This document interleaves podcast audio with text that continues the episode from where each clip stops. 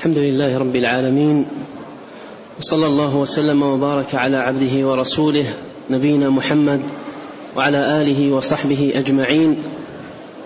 أما بعد فيقول شيخ الإسلام محمد بن عبد الوهاب رحمه الله تعالى في كتاب الكبائر باب ذكر الرياء والسمعة.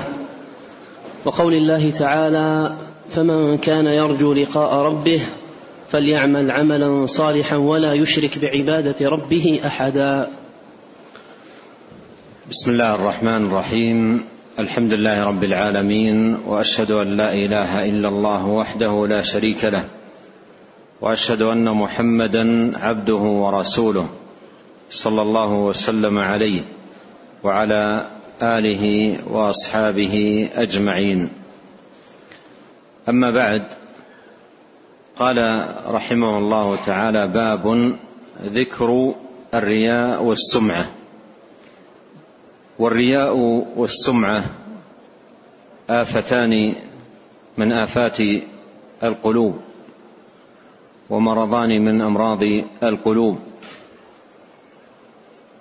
والرياء أن يقوم بالعمل ويعمل على تحسينه ويكون مراده بذلك مراءة الناس وثناءهم ومدحهم له. والسمعة هي أن يقوم بالعمل وأن يتحدث به عند الناس. فكل من الرياء والسمعة قيام بالعمل من أجل طلب ثناء الناس ومحمدتهم. والرياء يتعلق بالرؤية والسمعة تتعلق بالسماع. المرائي يري الناس عمله ويظهره لهم طالبا ثناءهم عليه. والسمعة أن يسمع بعمله أن يسمع بعمله. يقوم بأعمال لا يراه الناس فيها لكنه يسمع بعمله. فعلت كذا وفعلت كذا إلى آخره. وكل من الرياء والسمعة مبطل للعمل لأنه فساد في النية. والله سبحانه وتعالى لا يقبل من العمل إلا ما كان خالصا لوجهه وابتغاء مرضاته جل في علاه. وهو القائل في الحديث القدسي أنا أغنى الشركاء عن الشرك من عمل عملا أشرك معي فيه غيري تركته وشركه. والله عز وجل لا يقبل من العمل إلا ما كان خالصا والخالص هو الصافي النقي. قال الله تعالى وما أمروا إلا ليعبدوا الله مخلصين له الدين. وقال تعالى أنا لله الدين الخالص. وقال تعالى فادعوا الله مخلصين له الدين. فهو عز وجل لا يقبل من العمل إلا ما كان خالصا لوجهه. والرياء والسمعة يفتقدان الإخلاص. بل يتنافيان مع الإخلاص. ومن الرياء ما هو رياء خالص؟ هو رياء المنافقين يراءون الناس وهذا كفر أكبر ناقل من الملة محبط للأعمال كلها صاحبه في الدرك الأسفل من النار.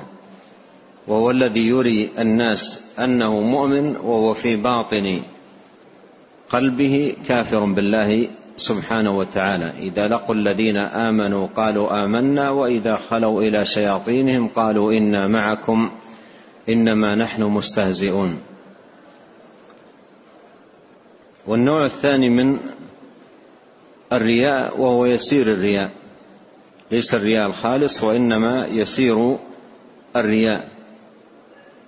وهذا يقع من الموحد ولا يبطل العمل كله وإنما يبطل العمل الذي خالطه وإنما يبطل العمل الذي خالطه لأن الله سبحانه وتعالى لا يقبل من العمل إلا ما كان صافيا نقيا لا يراد به إلا الله سبحانه وتعالى.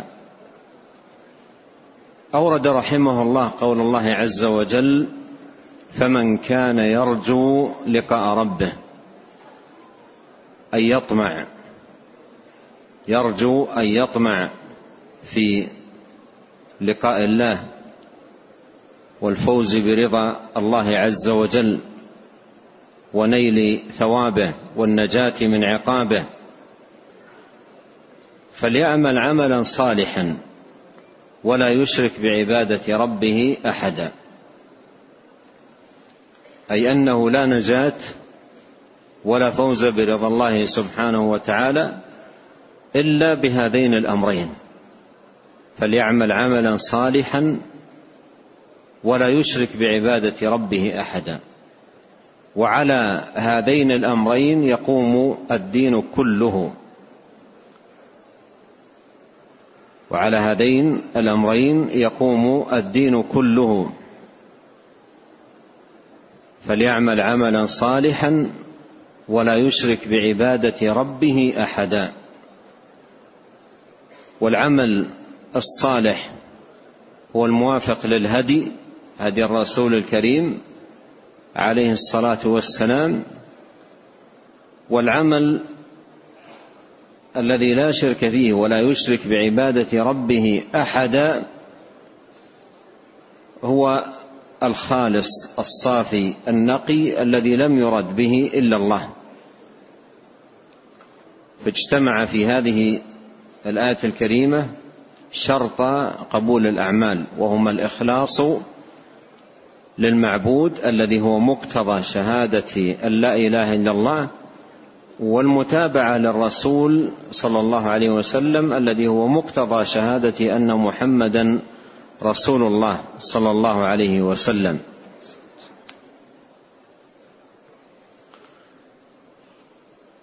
وقوله ولا يشرك بعبادة ربه احدا احدا جاءت نكرة في سياق النفي. أو في سياق النهي فتفيد العموم. تفيد العموم. أي أي أحد كان. ولا يشرك بعبادة ربه أحدا. أي أي أحد كان. لا ملك مقرب ولا نبي مرسل. فضلا عمن هو دونهما. نعم. قال رحمه الله تعالى عن جندب بن عبد الله رضي الله عنه قال قال رسول الله صلى الله عليه وسلم من سمع سمع الله به ومن يرائي يرائي الله, يرائي الله به أخرجاه. قيل معنى من سمع سمع الله به أي فضحه يوم القيامة ومعنى من يرائي أي من أظهر العمل الصالح للناس ليعظم عندهم يرائي به الله. قيل معناه إظهار سريرته للناس. قال رحمه الله تعالى عن جندب بن عبد الله رضي الله عنه قال قال رسول الله صلى الله عليه وسلم من سمع سمع الله به ومن يرائي يرائي الله به من سمع من سمع أي بعمله من سمع أي بعمله والتسميع الذي هو السمعة أمر يتعلق بحاسة السماع. أمر يتعلق بحاسة السماع. هو نوع من الرياء لكنه يتعلق بحاسة السماع. يظهر العمل لدى الناس بإسماعهم. عن ذلك العمل أنه فعل وأنه قام بكذا إلى آخره ويكون مراده إسماعهم بهذه الأعمال التي قام بها طلب محمدة الناس وطلب ثنائهم. من سمع سمع الله به. وهذا فيه أن الجزاء من جنس العمل. الجزاء من جنس العمل. لما كان من شأن هذا العامل أنه يسمع بعمله يسمع بعمله حتى يطلب ثناء الناس عليه فإن الجزاء من جنس العمل وهو أن الله يسمع به يسمع به. وقيل في معناه أي أن الله سبحانه وتعالى يفضحه يوم القيامة على رؤوس الأشهاد. ومن يرائي يرائي الله به. ومن يرائي أي بعمله والرؤية أو المراءة تتعلق بحاسة البصر. كل من السمعة والرياء إظهار للعمل طلب لمحمدة الناس. لكن الرياء يتعلق بحاسة البصر والسمعة تتعلق, بحاسة السمع. وغالبا أن المرائي إذا لم يرى عمله احتاج إلى السمعة. غالبا المرائي إذا لم يرى إذا لم يرى عمله احتاج إلى السمعة وإذا رؤي عمله اكتفى برؤية الناس له. لكن إذا لم يرى عمله كانت أعمالا لم ترى من أعماله. وهو يريد إظهارها للناس ليس له طريق إلا السمعة. ليس له طريق إلا السمعة. نعم استجد في هذا الزمان طريق آخر. لم يكن موجودا في الأزمنة السابقة. وهي ما يفعله كثير من الناس عند أدائهم للمناسك وأعمال الحج والعمرة يلتقط لنفسه في كل موضع منها صورة أو صورا. وهذه والله من المصائب العظيمة. عند الكعبة يلتقط لنفسه وفي المسعى وعند عرفات وعند رمي الجمار. حتى رأينا بعضهم عندما يريد صاحبه أن يلتقط له الصورة يرفع يديه. على هيئة الداعي ويصلح من نفسه ويتهيأ على صفة الداعي ثم تلتقط له الصورة. وإذا انتهى التصوير نزلت يده. ثم يحمل معه هذه الصورة ويضعها في البوم أو يعلقها في أماكن البيت ويراها الناس في تلك الصورة. فكان قديما من لم يرى الناس عمله يسمع بعمله يقول لهم فعلت وفعلت وفعلت. لكن الصورة الآن أدت مهمة التسميع بشكل أكبر. ما يحتاج أن يكلم الناس وفعلت يقول خذ انظر. والناس يقلبون هذه الصور ويرونه. وهو في المطاف وهو في المسعى وهو في كل أعمال الحج. هل هذا يتوافق مع قول الله ولله على الناس حج البيت وقوله وأتموا الحج والعمرة لله وقوله عليه الصلاة والسلام من حج لله ولم يرفث ولم يفسق رجع من ذنوبه كيوم ولدته أمه. فهذه من المصائب العظيمة والبلايا الكبيرة التي بلي بها كثير من الناس. بل بعضهم أصبح لا هم له في كل شعيرة من الشعائر ومنسك من المناسك إلا أن يلتقط الصورة تلو الأخرى لنفسه ولمن معه. حتى في المطاف وفي السعي وفي رمي الجمار وفي كل أعمال المناسك لا هم له إلا التقاط هذه الصور.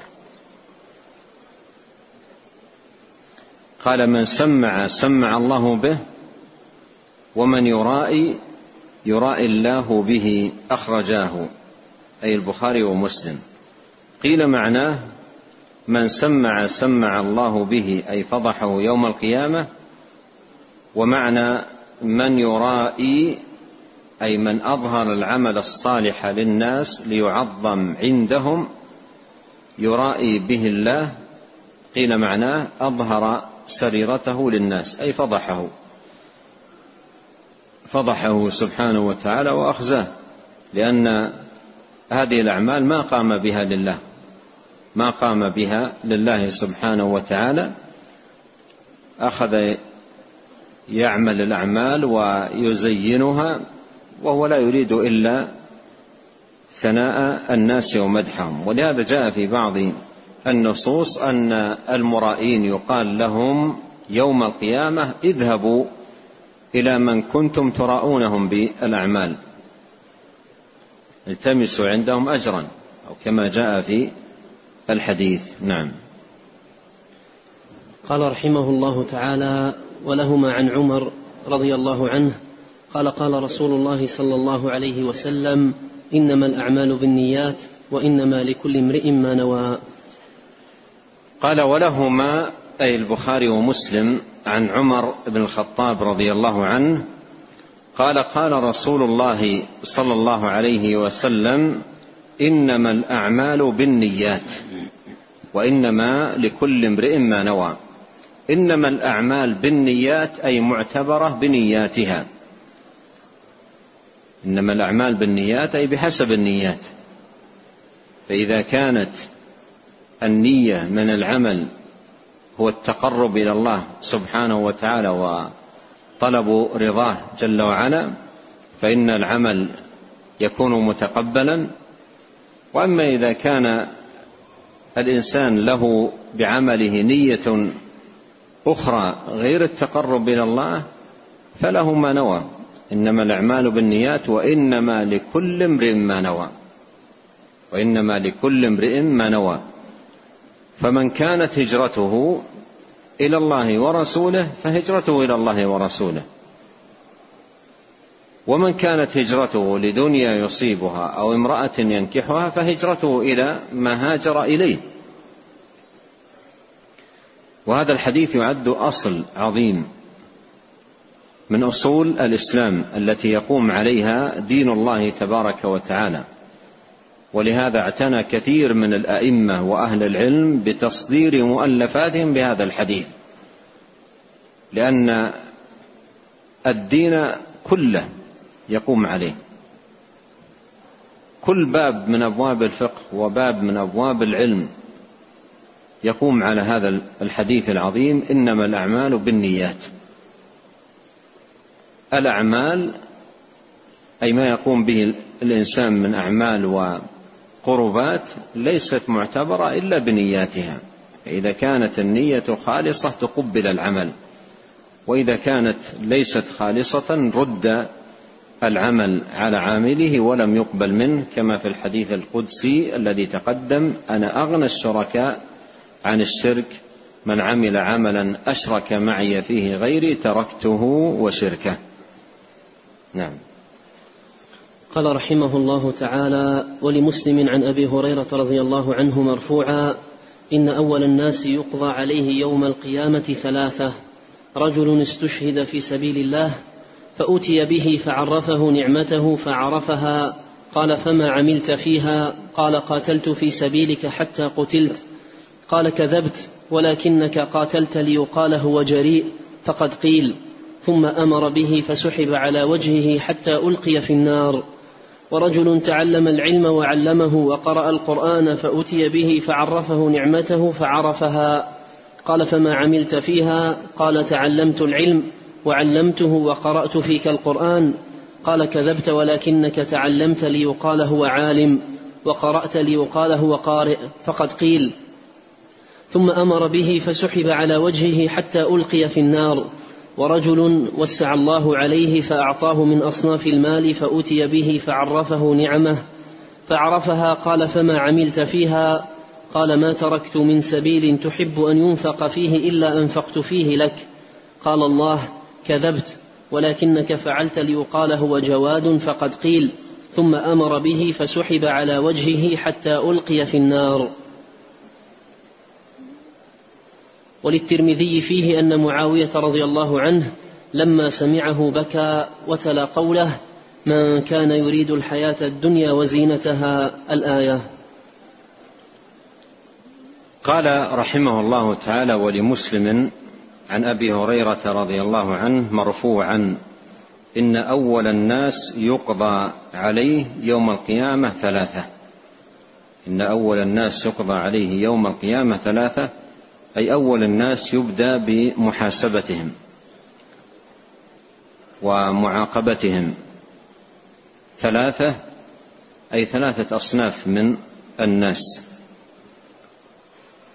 وذكر هذه الأصناف الثلاثة الذي قاتل رياء والذي حفظ العلم والقرآن وعلم الناس رياء والذي أنفق المال وبذل منه بسخاء رياء. وأن هؤلاء الثلاثة مع أن هذه الأعمال أعمال كبيرة وعظيمة أول من تسجر به بهم النار ويلقون فيها. وذلك لفساد النية. وذلك لفساد النية. وهذا الحديث يوضح لنا ما سبق في الحديث المتقدم من من سمع سمع الله به ومن يرائي يرائي الله به. فهنا يأتي هؤلاء العاملون رياء يوم القيامة.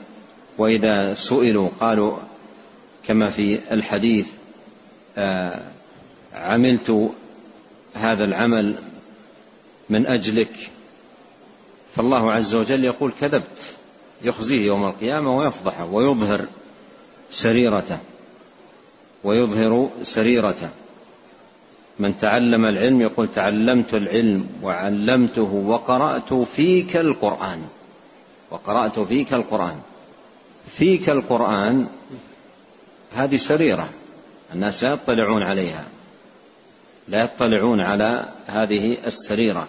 يظهر لهم القراءة والصوت وإلى آخره أما السريرة لا يعلمونها. فهو يقول أظهرت وقرأت فيك القرآن. فيقول الله عز وجل كذبت. أي ليس تلك القراءة وذاك التعليم وذاك التعلم من أجلي وإنما ليقال عالم وليقال قارئ. فقد قيل. ثم يؤمر ويسحب به على وجهه حتى يلقى في النار. فإذا هذا مما يوضح لنا ما سبق من سمع سمع الله به ومن يرائي يرائي الله به.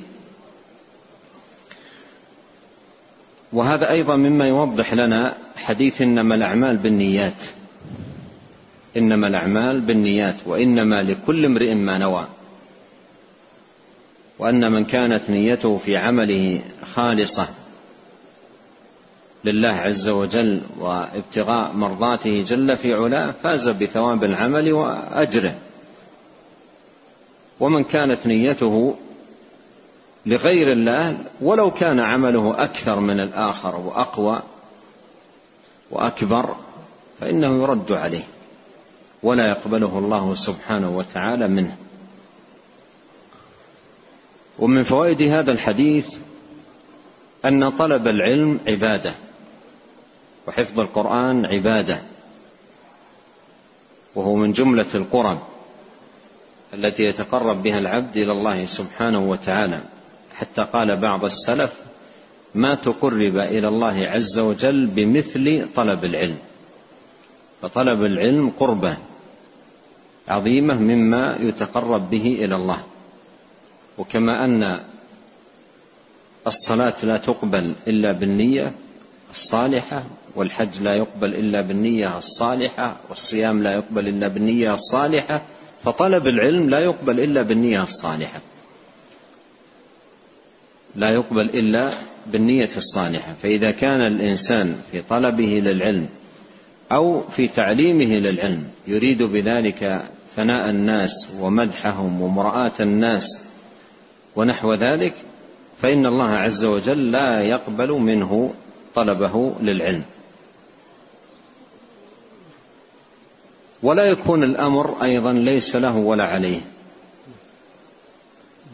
ليس معنى أنه لا يقبل أن يكون الأمر ليس له ولا عليه بل كما نرى الآن.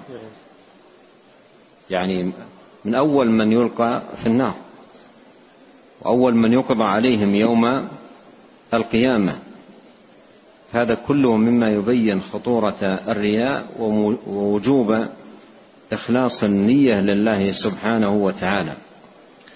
وهذا الحديث مما يحرك في القلوب الخوف من الرياء والحذر منه والخشية من حبوط الأعمال. ولهذا معاوية لما سمع هذا الحديث بكى. بكى لأن هذا أمر يخيف الإنسان. إنما يتقبل الله من المتقين. يكون الإنسان عمل أعمال وبذل جهود كثيرة ثم يوم القيامة ترد عليه لفساد نيته وعدم إخلاصه لربه سبحانه وتعالى. ثم أولئك الذين كان يتظاهر لهم بالأعمال ويزين الأعمال لأجلهم لا ينفعونه يوم القيامة ولا بشيء. كل همه نفسه نفسي نفسي.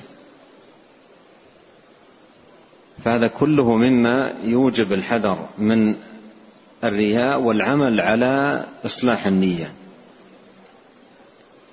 وإصلاح النية يحتاج إلى مجاهدة مستمرة للنفس. كما قال الأوزاعي رحمه الله ما عالجت شيئا أشد علي من نيتي. فالنية تحتاج إلى معالجة ومداواة مستمرة واستعانة بالله سبحانه وتعالى. نعم.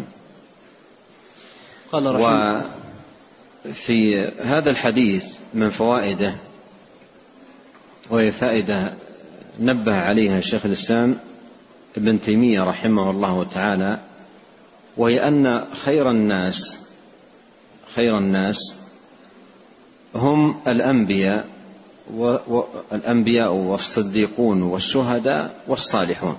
هؤلاء خير الناس. وشر الناس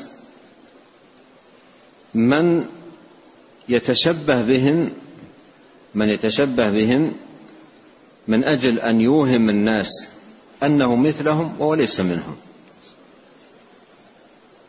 خير الناس الأنبياء والصديقون والشهداء والصالحون. وشر الناس من يتشبه بهم ليوهم الناس أنه مثلهم وليس منهم.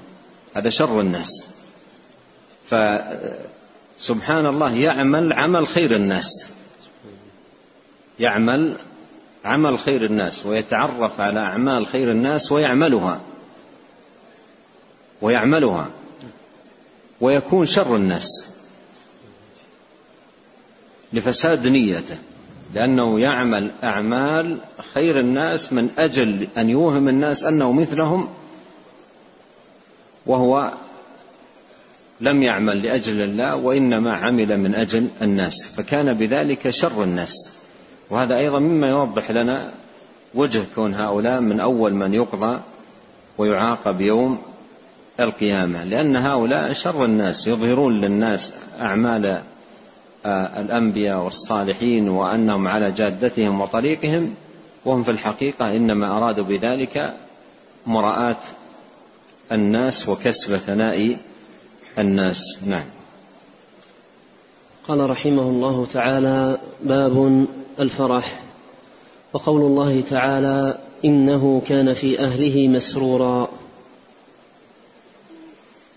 وقوله تعالى إنا كنا قبل في أهلنا مشفقين وقوله تعالى فلما نسوا ما ذكروا به فتحنا عليهم أبواب كل شيء حتى إذا فرحوا بما أوتوا أخذناهم بغتة فإذا هم مبلسون. قال رحمه الله تعالى باب الفرح.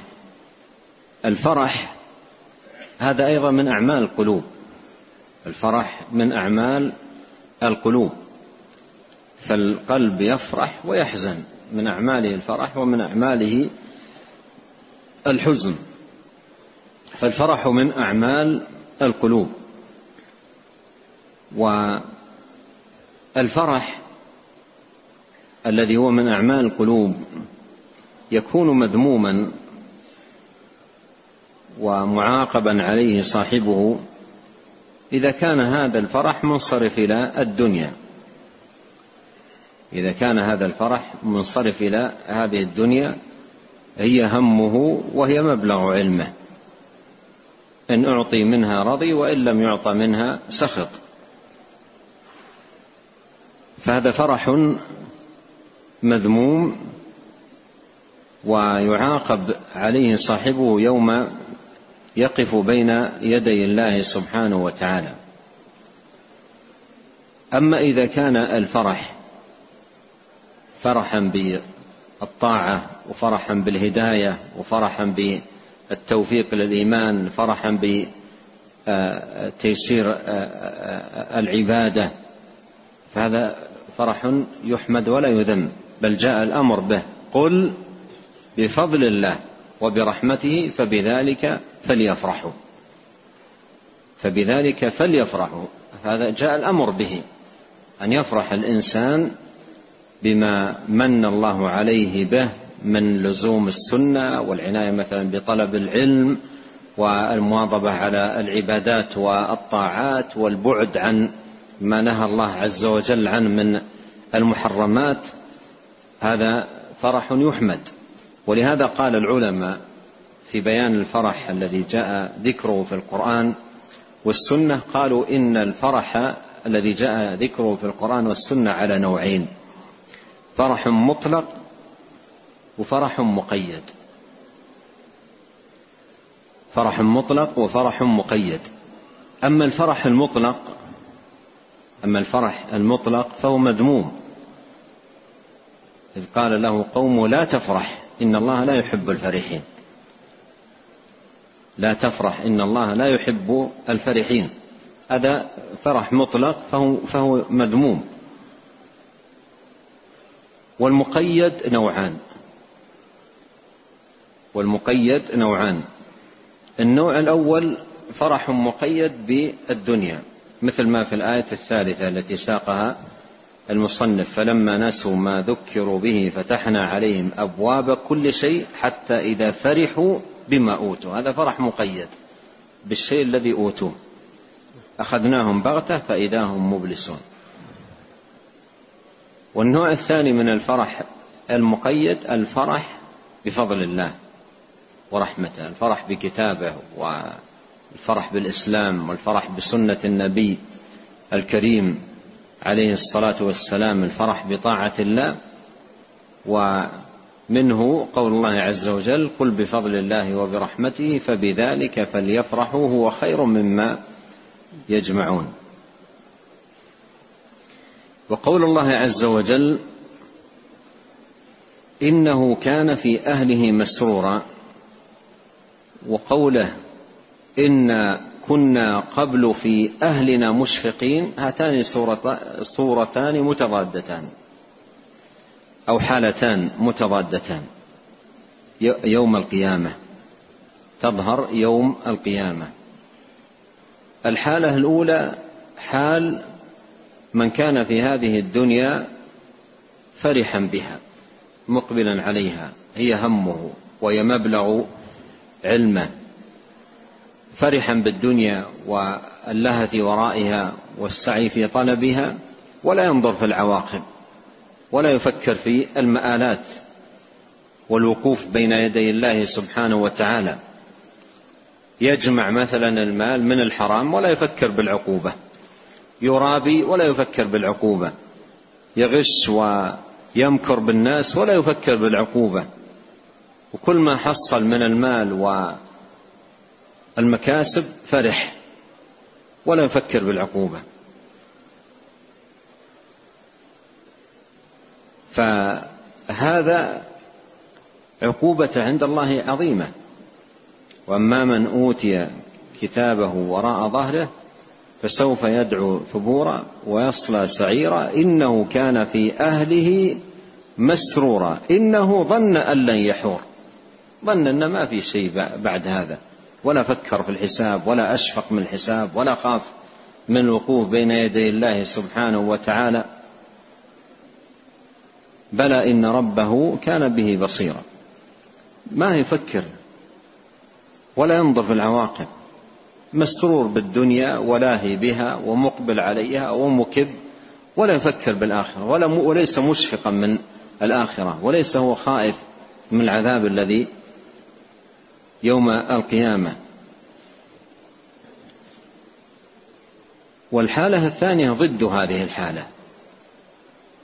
إن كنا قبل في أهلنا مشفقين فمن الله علينا وقانا عذاب السموم. هذه حالة أخرى عظيمة جدا. إن كنا قبل في أهلنا مشفقين. هذا كان في أهله مسرورا أي فرحا بما يحصله من أمور الدنيا ومتع الدنيا ولا هم له في الآخرة ولا هم له في العواقب.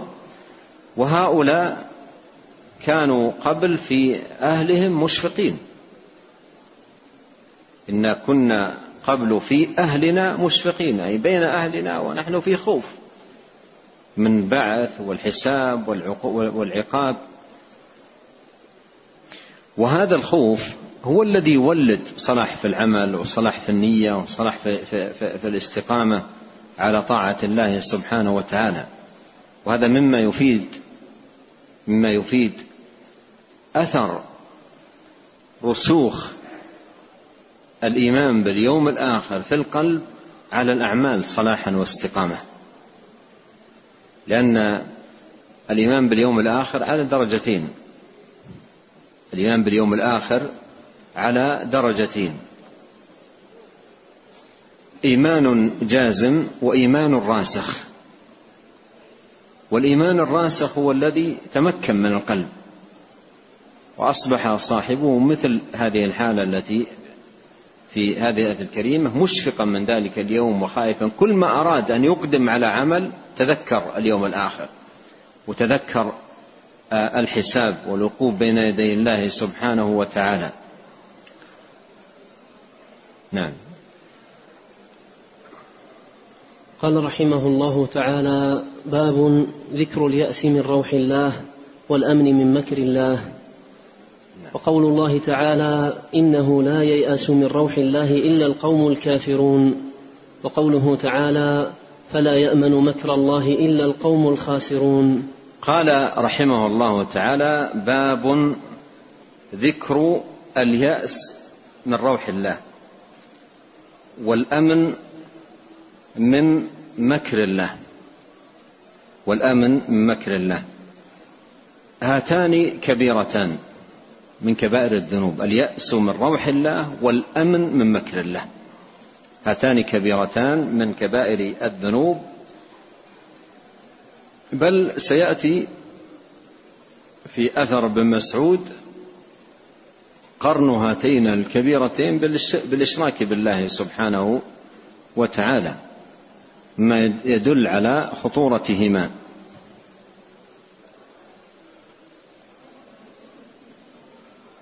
قال ذكر اليأس من روح الله والأمن مكر الله. اليأس من روح الله أي أن قلب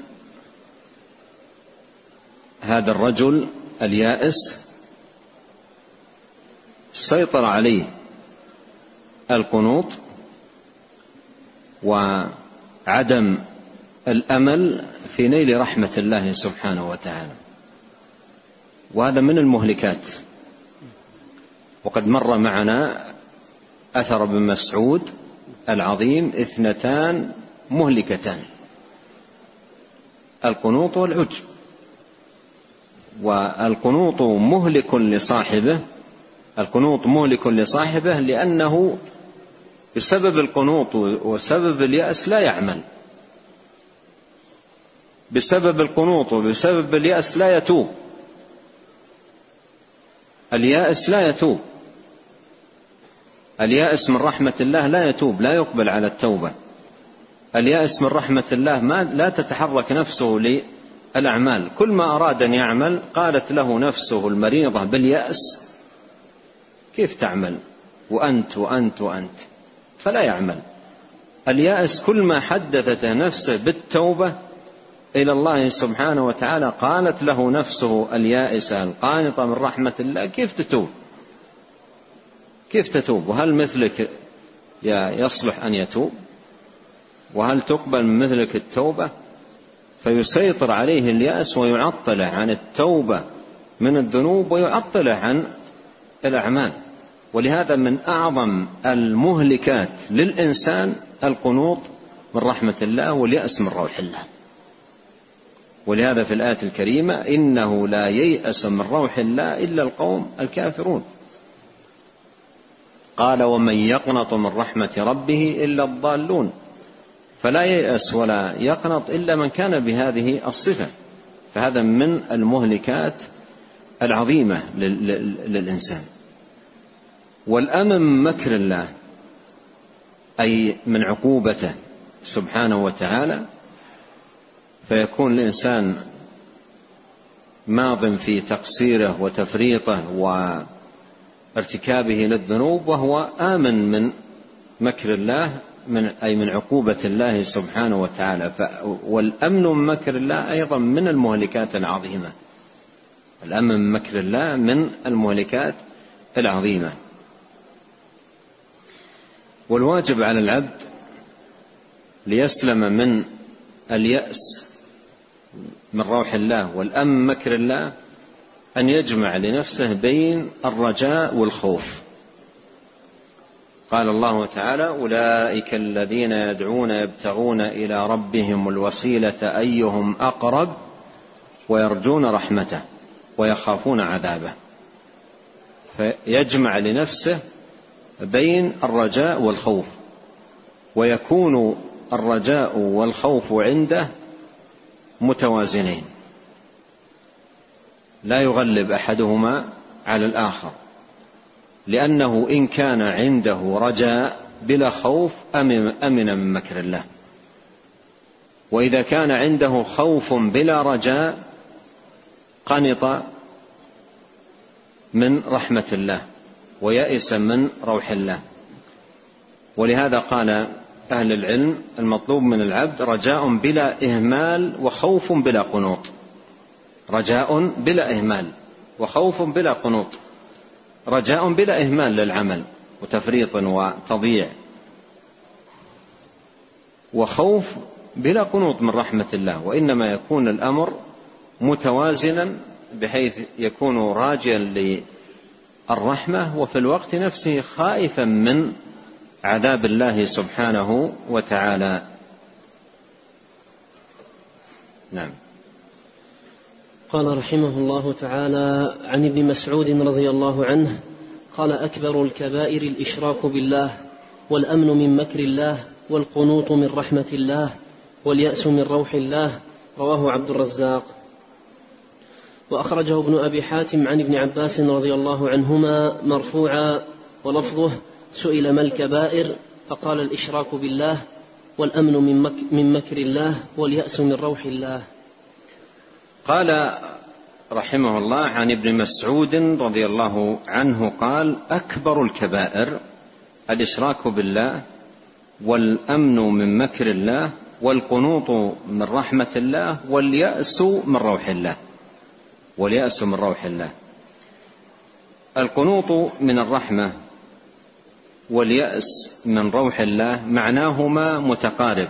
لكن قال العلماء رحمهم الله تعالى القنوط أشد اليأس. أشد اليأس. فأول ما يكون يأسا ثم يشتد به الأمر فيكون قنوطا.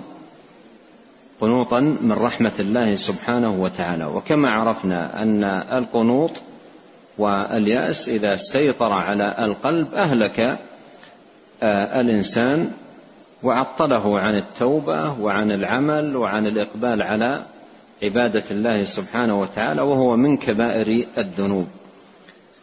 والأمن من مكر الله كذلك مهلك لصاحبه. ولهذا تقدم في الآية فلا يأمن مكر الله إلا القوم الخاسرون من موجبات الخسران الأمن من مكر الله والآمن من مكر الله سبحانه وتعالى يكون مسيئا في العمل وظانا أنه أهل للثواب وظانا أنه أهل للثواب. ولهذا جاء عن الحسن البصري رحمه الله أنه قال إن المؤمن جمع بين إحسان ومخافة. والمنافق جمع بين إساءة وأمن. والمنافق جمع بين إساءة أي في العمل وأمن أي من مكر الله سبحانه وتعالى. فالأمن من مكر الله من موجبات الخسران والهلاك في الدنيا والآخرة. ولهذا هما ولهذا هو والقنوط من كبائر الذنوب وعظائم الآثام وهما من الأعمال أعمال أو من أمراض القلوب. قال وأخرجه ابن أبي حاتم أي في تفسيره عن ابن عباس رضي الله عنهما مرفوعا ولفظه سئل ما الكبائر؟ فقال الإشراك بالله والأمن من مكر الله واليأس من روح الله. ونسأل الله الكريم رب العرش العظيم بأسمائه الحسنى وصفاته العليا أن يوفقنا أجمعين لكل خير وأن يهدينا إليه صراطا مستقيما وأن يصلح لنا شأننا كله. إنه تبارك وتعالى سميع الدعاء. أحب أن أنبه أن هذا الدرس الذي بعد الفجر يكون كل يوم في أثناء الأسبوع عدا يومين. هكذا باستمرار. كل يوم عدا يومين عدا يوم الجمعة والسبت. يعني غدا وبعد غد وإلا فالدرس بإذن الله سبحانه وتعالى مستمر كل يوم من السبت إلى الأربعاء. صلى الله وسلم على عبده ورسوله نبينا محمد وعلى آله وصحبه أجمعين. جزاكم الله خيرا.